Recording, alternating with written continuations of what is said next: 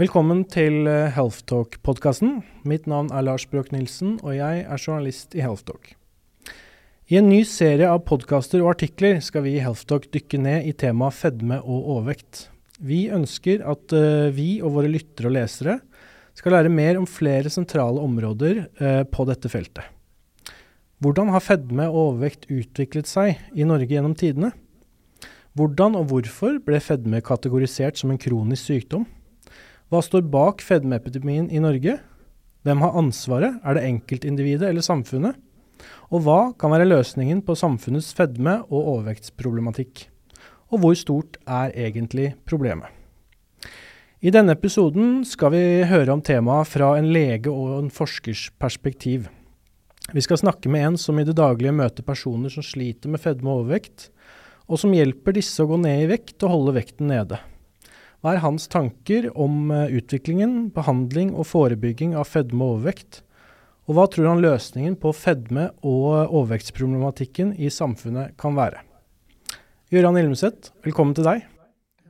Tusen takk. Uh, Gøran, du har jo rukket å bli et kjent navn i den norske fedme- og overvektsdebatten, og du er ofte titulert som fedmeekspert i media når du blir intervjua der.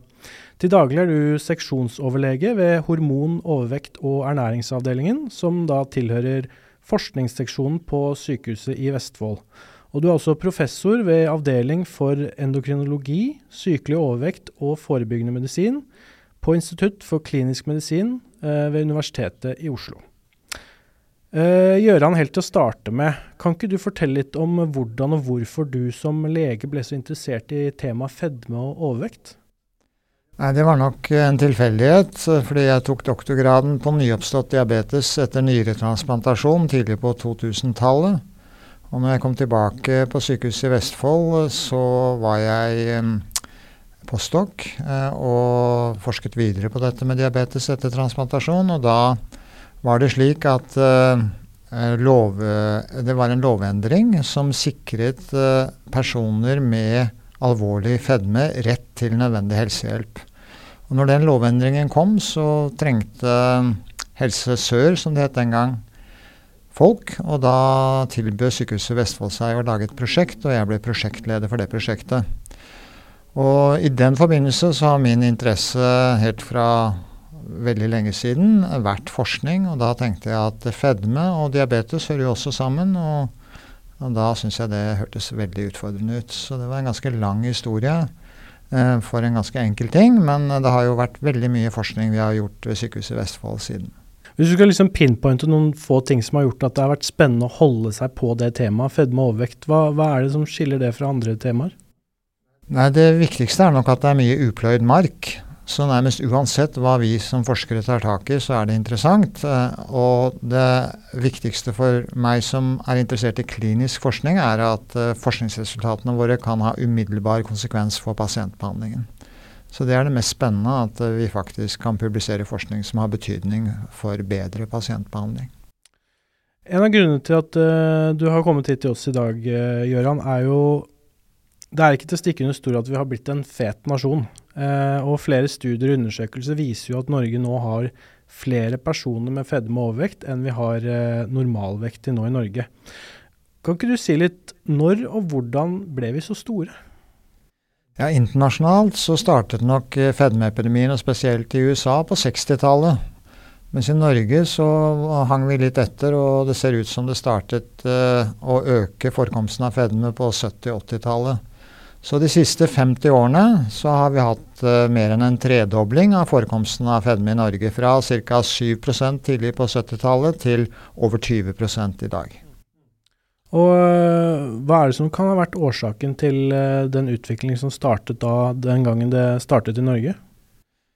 Ja, det, det, vet vi ikke så veldig godt, eh, egentlig. Det er ikke gjort så veldig gode studier i Norge. Eh, men internasjonale studier, og da igjen hovedsakelig ut fra USAs perspektiv, tyder på at det er en sammenheng mellom tilgang av billig og energitett mat, altså økende tilgang av billig og energitett mat, og økende fedme.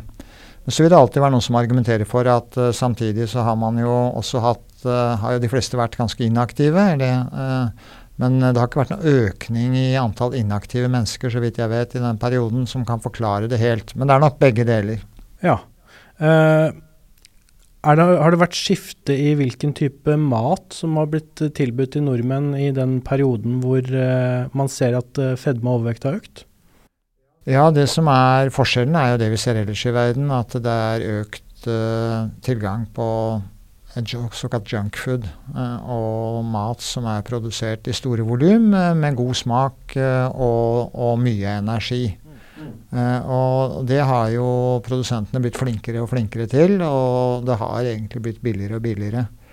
Så det er nok uh, hovedårsaken til at uh, mennesker som er disponert, arvelig disponert for fedme, da også spiser mer enn det de trenger for å holde vekten. Interessant, Du sier jo arvelig disponert. Hvor mye har akkurat det å si for utvikling av fedme i Norge? Både for, altså for individene, men også for samfunnet?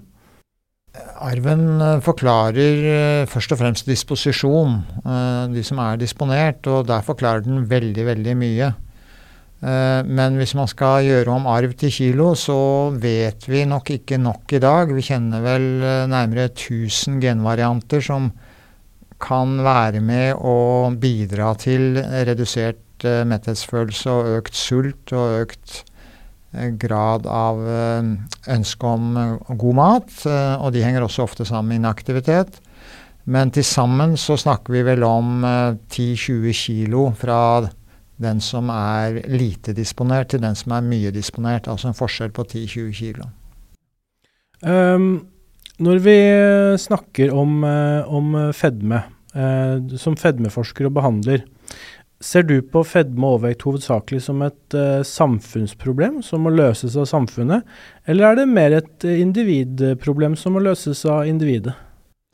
Det er ikke enten-eller, det er både og. Eh, og mitt perspektiv er jo pasientbehandling. Eh, så det er jo det jeg er mest opptatt av. Men jeg har jo også sett eh, den andre siden fra en del år som medlem og formann i Nasjonalt råd for ernæring. så det er klart at når det gjelder forekomst og forebygging av fedme, så er det samfunnet som må gjøre noe, eller burde gjøre noe. Eh, når det, men når det gjelder behandling, så er det vi som jobber i helsesektoren.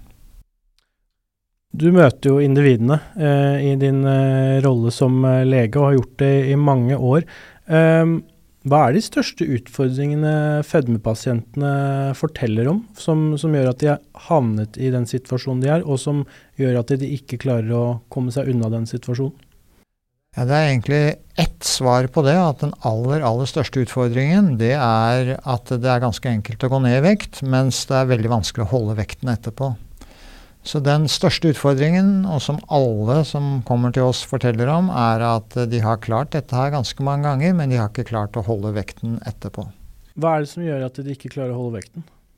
Det er forskjellige faktorer, men det er først og fremst eh, ja, det er både biologiske, psykologiske og sosiale, egentlig. Men den biologiske faktoren det er at uh, kroppen reagerer med, på vektreduksjon med å fortelle at du er mer, at du er mer sulten. Altså den gjør deg sulten. Den gjør deg mindre mett etter mat. Den gjør at maten smaker enda bedre enn før. Eh, og den gjør at du får enda mer lyst på mat, og da spesielt energitett mat. Eh, og I tillegg så er det klart at gammel vane er vond å vende. Det vet vi alle når vi forsøker å endre på forskjellige uvaner. Eh, og det tredje er selvfølgelig igjen samfunnspåvirkningen. Både familie og storsamfunnet de presser jo på og gjør det ikke lett å spise fornuftig når man har gått ned i vekt. De pasientene dine som har fått til å gå ned i vekt og har klart å holde det nede, hva har de pekt på som de viktigste suksessfaktorene for seg? Ja, det er litt forskjellig. Men der er det gjort ganske interessante studier hvor man har spurt uh, i USA i et svært pasientregister uh, som heter Weight Control Registry, hvor de har spurt de som har lykkes med å gå ned mer enn 13-14 kg i vekt og holdt seg der en del år. Og Det da flertallet forteller, er at de er i regelmessig fysisk aktivitet. De går gjerne minst én time daglig. Så for vekststabilisering er nok fysisk aktivitet ganske viktig. Og det vi egentlig, er vi ganske enige om, fedmeforskerne i verden. I tillegg så spiser de regelmessig, og da gjerne frokost. Og så følger de opp hvis de går opp i vekt igjen. Altså Hvis man begynner å gå opp i vekt, de, de tør å veie seg. Veier seg regelmessig, kanskje daglig, i hvert fall en gang ukentlig. Og når da vekten går opp, for det gjør den oftest, så iverksetter de eh, nye tiltak for å komme ned igjen. Eh, du nevnte bl.a. det med å, å, å spise ofte. Det, kan det være en fare for de som prøver å gå ned, at man kutter veldig kraftig ned på måltidene, og så gjør det at man bare blir sultnere senere og spiser da mer de gangene man spiser? Eh, både ja og nei. Det er ikke så viktig å spise så ofte, men det er viktig å spise ofte nok til at du ikke blir sulten. Og der er vi jo veldig forskjellige. Noen kan jo spise bare et par ganger om dagen og blir ikke så veldig sulten, egentlig. Mens andre må spise tre-fire måltider om dagen. Så det er forskjellig. Men det er feil å si at det er om å gjøre å spise så mange måltider som mulig. For før så sa man at man måtte spise et mellommåltid og så passe på å spise ofte nok.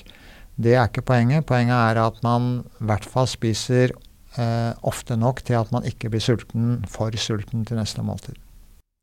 Uh, Gøran, en av de tingene du har uh, uttalt deg en del om i media i denne fedme- og overvektsdebatten, er jo um, de nye typer slankemedisinene som har kommet uh, på plass, og som har vist seg å være en stor hjelp for, for mange fedmepasienter, og også de med overvekt som, som sliter med det. Og um, Innføringen av mange av disse nye har jo markert et aldri så lite paradigmeskifte i behandlingen av pasienter med fedme og overvekt. Kan du si litt, uh, basert på din kunnskap, hvilken rolle spiller denne behandlingen i kampen mot fedme og overvekt i dag, og hvor viktig vil det bli i bekjempingen av uh, samfunnets fedme- og overvektsproblemer? Ja, jeg vil ikke kalle det et lite paradigmeskifte. Jeg vil si at det er et uh, stort paradigmeskifte. Det er nærmest en revolusjon som har skjedd. Som er svært viktig for spesielt pasienter med alvorlig fedme som vi behandler da, ved sykehuset i Tønsberg. Og For denne pasientgruppen så har eh, vi som behandlere nå fått et nytt redskap i verktøykassen som gjør at eh, de kan få hjelp eh, uten at de nødvendigvis eh, må opereres med vektreduserende kirurgi. Fortsatt er vektreduserende kirurgi klart eh, mer effektivt, men eh, er vi heldige, så kan noen klare seg, ganske mange klare seg med medikamentell behandling. Så dette er eh, rett og slett et sceneskifte og en eh, helt ny hverdag for våre pasienter, og ikke minst for våre behandlere, som jo blir enda mer motiverte til å gi, gi god behandling. Eh, om det hjelper på samfunnets fedmeproblem, det er litt avhengig av hvor mange som eh, vil bli behandlet med dette her, selvfølgelig. Men en litt sånn interessant sak er jo at uh, Walmart i USA uh, allerede har reagert på at så mange bruker denne medisinen i USA nå at etterspørselen etter, etter, matvarer har blitt redusert. Og de har da sagt offentlig at de kommer til å møte dette med å redusere størrelsen på porsjonene og på forpakningene på det de selger, til samme pris. Så det er jo musikk i mine ører. Det er jo god Eh, behandling. Men om dette blir slik, det tror jeg nå egentlig ikke. Så dette er viktigst for pasientene, og spesielt for de med alvorlig fedme. Uh, som du sier, en, en liten uh, eller en revolusjon innen, innen behandlingen. Uh, men, men før man fikk dette på plass, så, så, var det jo de normale rådene når det gjelder vektnedgang. ikke sant? godt kosthold, gode rutiner rundt trening, søvn, andre typer ting slik som det. Um, har innførselen av denne nye typen medisiner skapt, fått med seg noen utfordringer med tanke på uh, Ser noen på det som en quick fix uh, i, i, i, veien mot å gå ned? Hvordan ser du på liksom, utfordringer versus uh, fordeler da, med nye medisiner? Jeg tror nok noen ser på dette som en quick fix, og det er det ikke. Fordi medisinen virker ikke dersom du ikke da endrer livsstilen. Så grunnen til at uh, disse medisinene virker, er jo at de er så effektiv hjelp til å spise mindre. Uh, og det er de fordi de demper sulten, og de øker metthetsfølelsen, og de gir deg mindre lyst på mat. Så for noen så er jo dette blitt en kjedelig bivirkning, uh, at de sier at de nærmest må spise på trass. men for de aller fleste som har alvorlig fedme, som jeg representerer, som vi behandler, Eh, er dette good news, og de vet veldig godt at det ikke er en quick fix. Um, når det gjelder da, Hvis vi holder oss fortsatt litt til uh, temaet medisinsk behandling. Uh, det finnes jo flere ulike typer medisiner, og det har blitt stadig mer effektive. Uh, hvor viktig er bredden i det dere kan tilby av medisiner med tanke på persontilpassing overfor de enkelte pasientene? Foreløpig ikke så veldig mye. og det er jo ikke så mange medisiner å velge mellom ennå. Så det det kan hjelpe oss med, er jo at de som trenger det mest, burde få tilgang, eller burde få muligheten til de mest effektive medisinene. Eh, de mest, men de mest effektive medisinene er jo også de dyreste, eh, dessverre. Og det, det, da er det blitt slik at de som trenger det mest, de har ikke råd til dette her. Så dette blir dessverre foreløpig har blitt de rikes medisin. Og persontilpasset medisin, da eh, tenker man jo litt på eh, eh, forskjellig behandling til forskjellige kategorier, men det er ikke så mange forskjellige medikamenter her å velge mellom ennå. Men det ligger i kortene nye medisiner eh, som ikke er på markedet ennå, og som er minst like effektive. Og som kanskje f.eks. har større effekt enn tidligere medisiner hos de som har fedme og diabetes. Så jeg håper at det kommer eh, flere medisiner etter hvert som passer til forskjellige kategorier pasienter. Og mange av disse medisinene har jo også da kunnet vise etter hvert til data på på andre endepunkter enn bare vektnedgang, altså bl.a. Eh, effekt på hjerte-kar. Eh, hva vil du si om, om, om, det, og hvor viktig er det i forhold til eh, innføring og eventuell eh, offentlig finansiering av denne typen medisiner? da? Ja, uh, denne ene studien som har vist at én uh, type medikament uh, har vist seg å redusere forekomsten av hjerte-karhendelser hos de som tidligere har hatt hjerteinfarkt eller hjerneslag eller en perifer karsykdom, som vi kaller det, med symptomer, den kan jo bety noe for de som har fedme og, eller overvekt og hjerte-karsykdom. Men i denne pasientgruppen så, som vi snakker om, som jeg representerer igjen, da, så er det eh, på en måte heldigvis relativt få som har hjerte-karsykdom, så da vil jo ikke det hjelpe de så mye. Men for de regulatoriske myndighetene så vil jo dette muligens kunne påvirke dem til å gi større muligheter for den kategori pasienter til å få dette på blå resept. Eh, siste spørsmål på legemiddelkategorien. Eh, det har blitt skrevet eh, tidligere bl.a. Fra, mm, fra, fra Relis, altså regionalt legemiddelinformasjonssenter, om at det er ikke umulig å tenke seg at, at en del av vektnedgangen fra de nye medisinene kan skyldes bivirkninger. Har du noen kommentar til det? Uh, ja, det, det, mener jeg er en feiltolkning av resultatene. Uh, resultatene tyder ikke på at de som har mest bivirkninger, får størst uh, vektreduksjon. Så det er nok basert på spekulasjoner, og som ikke stemmer. Um, nå går vi over fra, fra medisiner til, til, litt mer forebyggende diskusjon her. Um, fordi at eh, Vi hadde jo bl.a. Landsforening for overvektige i podkasten her før deg, og de pekte jo bl.a. på viktigheten av det her, det forebyggende arbeidet når vi ser på eh, samfunnsproblemet eh, fedme overvekt. Um, som, som fedmebehandler og forsker, uh, hvor viktig mener du at økt satsing på forebygging og styrking av tiltak som eh, omhandler psykisk og sosial helse. Eh, hvor viktig er det sett opp mot eh, innsatsen ved å, å tilby fedmemedisiner til pasienter? Ja, I et samfunnsperspektiv så er det jo like viktig, men eh, eh, Så du kan si at forebygging av fedme, det er eh, på papiret også veldig enkelt. Og det er jo Verdens helseorganisasjon og en rekke andre organisasjoner helt enige om hvilke tiltak som er mest effektive, mest kostnadseffektive. Og det aller viktigste tiltaket er det vi kaller sunn skatteveksling. Det betyr ganske enkelt at du gjør eh, energitett eh, og usunn mat som øker risikoen for fedme, den eh, bør være dyr, eller relativt dyr.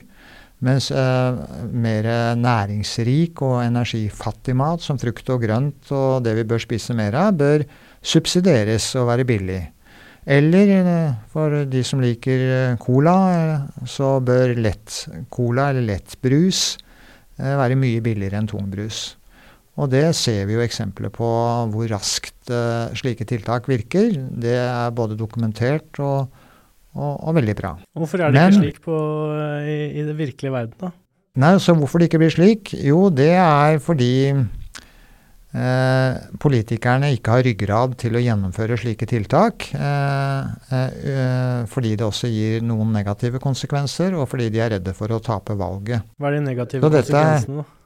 Nei, de er redde for eh, Altså, de negative konsekvensene av et slikt eh, tiltak er vel eh, først og fremst at de som argumenterer for individuell valgfrihet, blir påtvunget et tiltak som de vil bestemme selv. Eh, og så vil jo noen tape penger på det. Eh, og man vil argumentere med arbeidsplasser, og det er jo en rekke argumenter. Det koster å, å innføre et slikt tiltak for noen, men for samfunnet vil det være en kjempefordel. Hvor stor rolle vil du si at de store matvarekjedene eh, spiller i den norske utviklinga, hvis vi ser på de norske matvarekjedene, i, i, i fedme- og overvektsutvikling i Norge?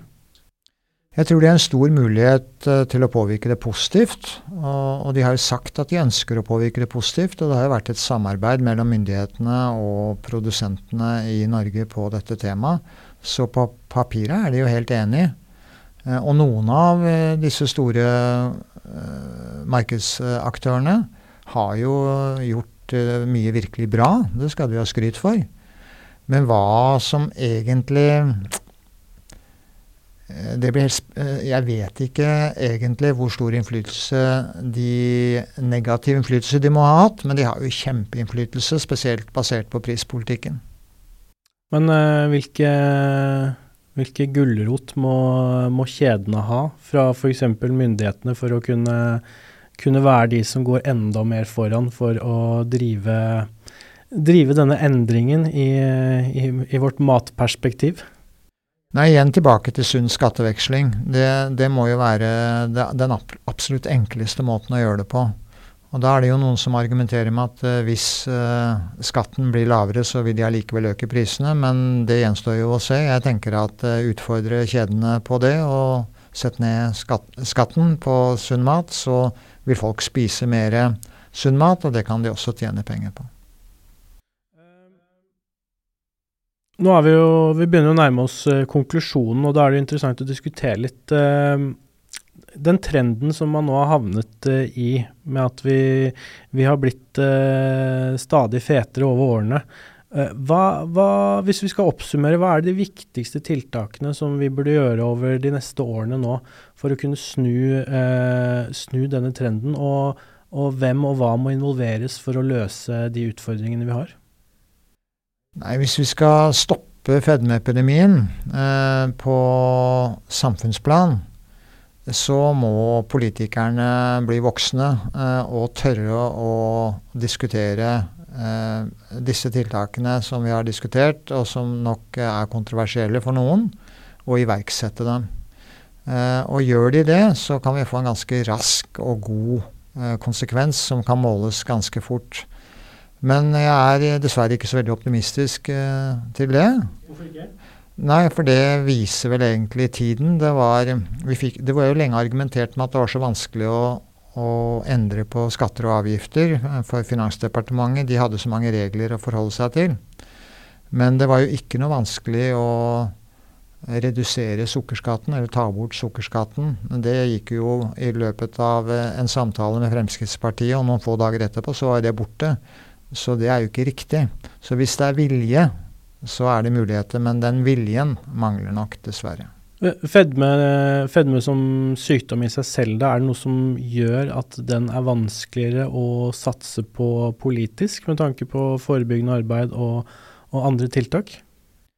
Ja, det kan jeg tenke meg at uh, uh, mange ser jo ned på de som har fedme. De, de er jo stigmatiserte. og mange, uten at de tør å si det så høyt i dag, da, de tenker nok at de som har eh, fedme, de kan skylde på seg sjøl fordi de er både late, dumme og mangler selvdisiplin. Eh, det sier man jo ikke høyt, men det er nok mange dessverre som tenker det. Og da tenker de også at det er ikke myndighetenes eh, plikt å, bidra til at de skjerper seg. Men etter min oppfatning så er det politikerne som må skjerpe seg og forstå at fedme er ikke en selvpåført sykdom. Det er en sykdom som eh, arvelig disponerte individer får pga. det fedmedisponerende samfunnet som politikerne bl.a. har en stor del av skylden i. Det, det, skjer jo mye nå, om ikke på de politiske tiltakene, så skjer det mye spennende innen bl.a. behandling nå. Men eh, sånn helt avslutningsvis, hvis du skulle liksom sett litt inn i krystallkula og sett om, eh, om eh, fem år, hvor, hvor, er vi i, i fedme- og overvekstlandskapet i Norge og i behandlingslandskapet? Både i Norge og, og globalt? Ja, det har jo skjedd utrolig mye de siste fem årene. Og vi som har jobbet nå i mer enn 20 år med temaet, vi er jo overrasket over hvor fort de, mye som har skjedd på de fem årene. Hvis farten er like stor, så tenker jeg at vi vil få enda mer effektive medikamenter. Forhåpentligvis med ikke flere bivirkninger, men færre bivirkninger. Og muligheten til å gi veldig god tilleggsbehandling med medikamenter til pasienter som trenger det. Og På sikt kan jo det redusere behovet for vektreduserende kirurgi, men eh, vi vil nok alltid trenge det for de som har veldig uttalt fedme, og for de som ikke lenger har nytte av medikamentene. For medikamentene de har vi jo ikke så lang erfaring med. Det var det vi hadde tid for i denne omgang. Jeg ønsker å si takk til deg, eh, Gøran Hjelmeset, for at du kom hit for å fortelle oss litt om, eh, om eh, fedmefeltet fra ditt ståsted. Vi sier takk for i dag, og vil bare si til våre lyttere og lesere at vi er tilbake med flere sendinger om fedme og overvekt senere. Så det er bare å følge oss videre på dette spennende temaet. Ellers så vil jeg ønske dere en god dag videre, og så snakkes vi.